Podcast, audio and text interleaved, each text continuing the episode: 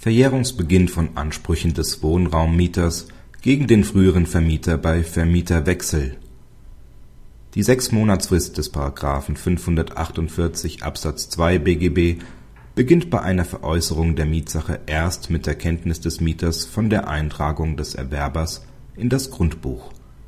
Ohne dieses zusätzliche Erfordernis der Kenntnis könnten die Ansprüche des Mieters verjähren, ohne dass er etwas von den tatsächlichen Voraussetzungen des Verjährungsbeginns erfährt. Es genügt nicht, dass der Mieter allgemein Kenntnis von dem Verkauf des Grundstücks hat auch dann muss er weder mit einer baldigen Eintragung des Erwerbers in das Grundbuch rechnen, noch eigene Erkundigungen über den Eintragungszeitpunkt einziehen, denn eine Grundbucheintragung kann sich aus den unterschiedlichsten Gründen verzögern. Die Kläger verlangten von der Beklagten, ihrer damaligen Wohnungsvermieterin, im September 2005 Erstattung von Kosten für bestimmte mietvertraglich vereinbarte Aufwendungen die Beklagte lehnte das ab und teilte mit, dass sie das Hausgrundstück verkauft habe. Am 21.02.2006 wurde der Erwerber als neuer Eigentümer in das Grundbuch eingetragen. Die von den Klägern erhobene Klage auf Aufwendungsersatz ging am 22.08.2006 bei dem Amtsgericht ein. Die Beklagte hat die Einrede der Verjährung erhoben.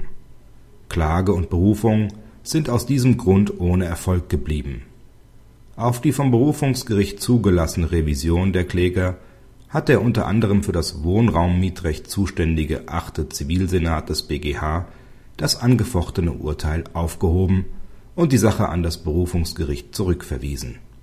Der BGH hat entschieden, dass die bisherigen Feststellungen des Berufungsgerichts nicht ausreichen, einen etwaigen Erstattungsanspruch der Kläger als verjährt anzusehen der von den Klägern geltend gemachte Anspruch auf Ersatz von Aufwendungen verjährt zwar gemäß § 548 Absatz 2 BGB in sechs Monaten nach Beendigung des Mietverhältnisses, dabei kommt es auf dessen rechtliche Beendigung an.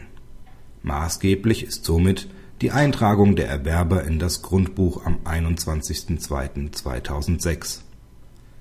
Anders als das Berufungsgericht gemeint hat beginnt die Sechsmonatsfrist des § 548 Absatz 2 BGB bei einer Veräußerung der Mietsache jedoch erst mit der Kenntnis des Mieters von der Eintragung des Erwerbers in das Grundbuch.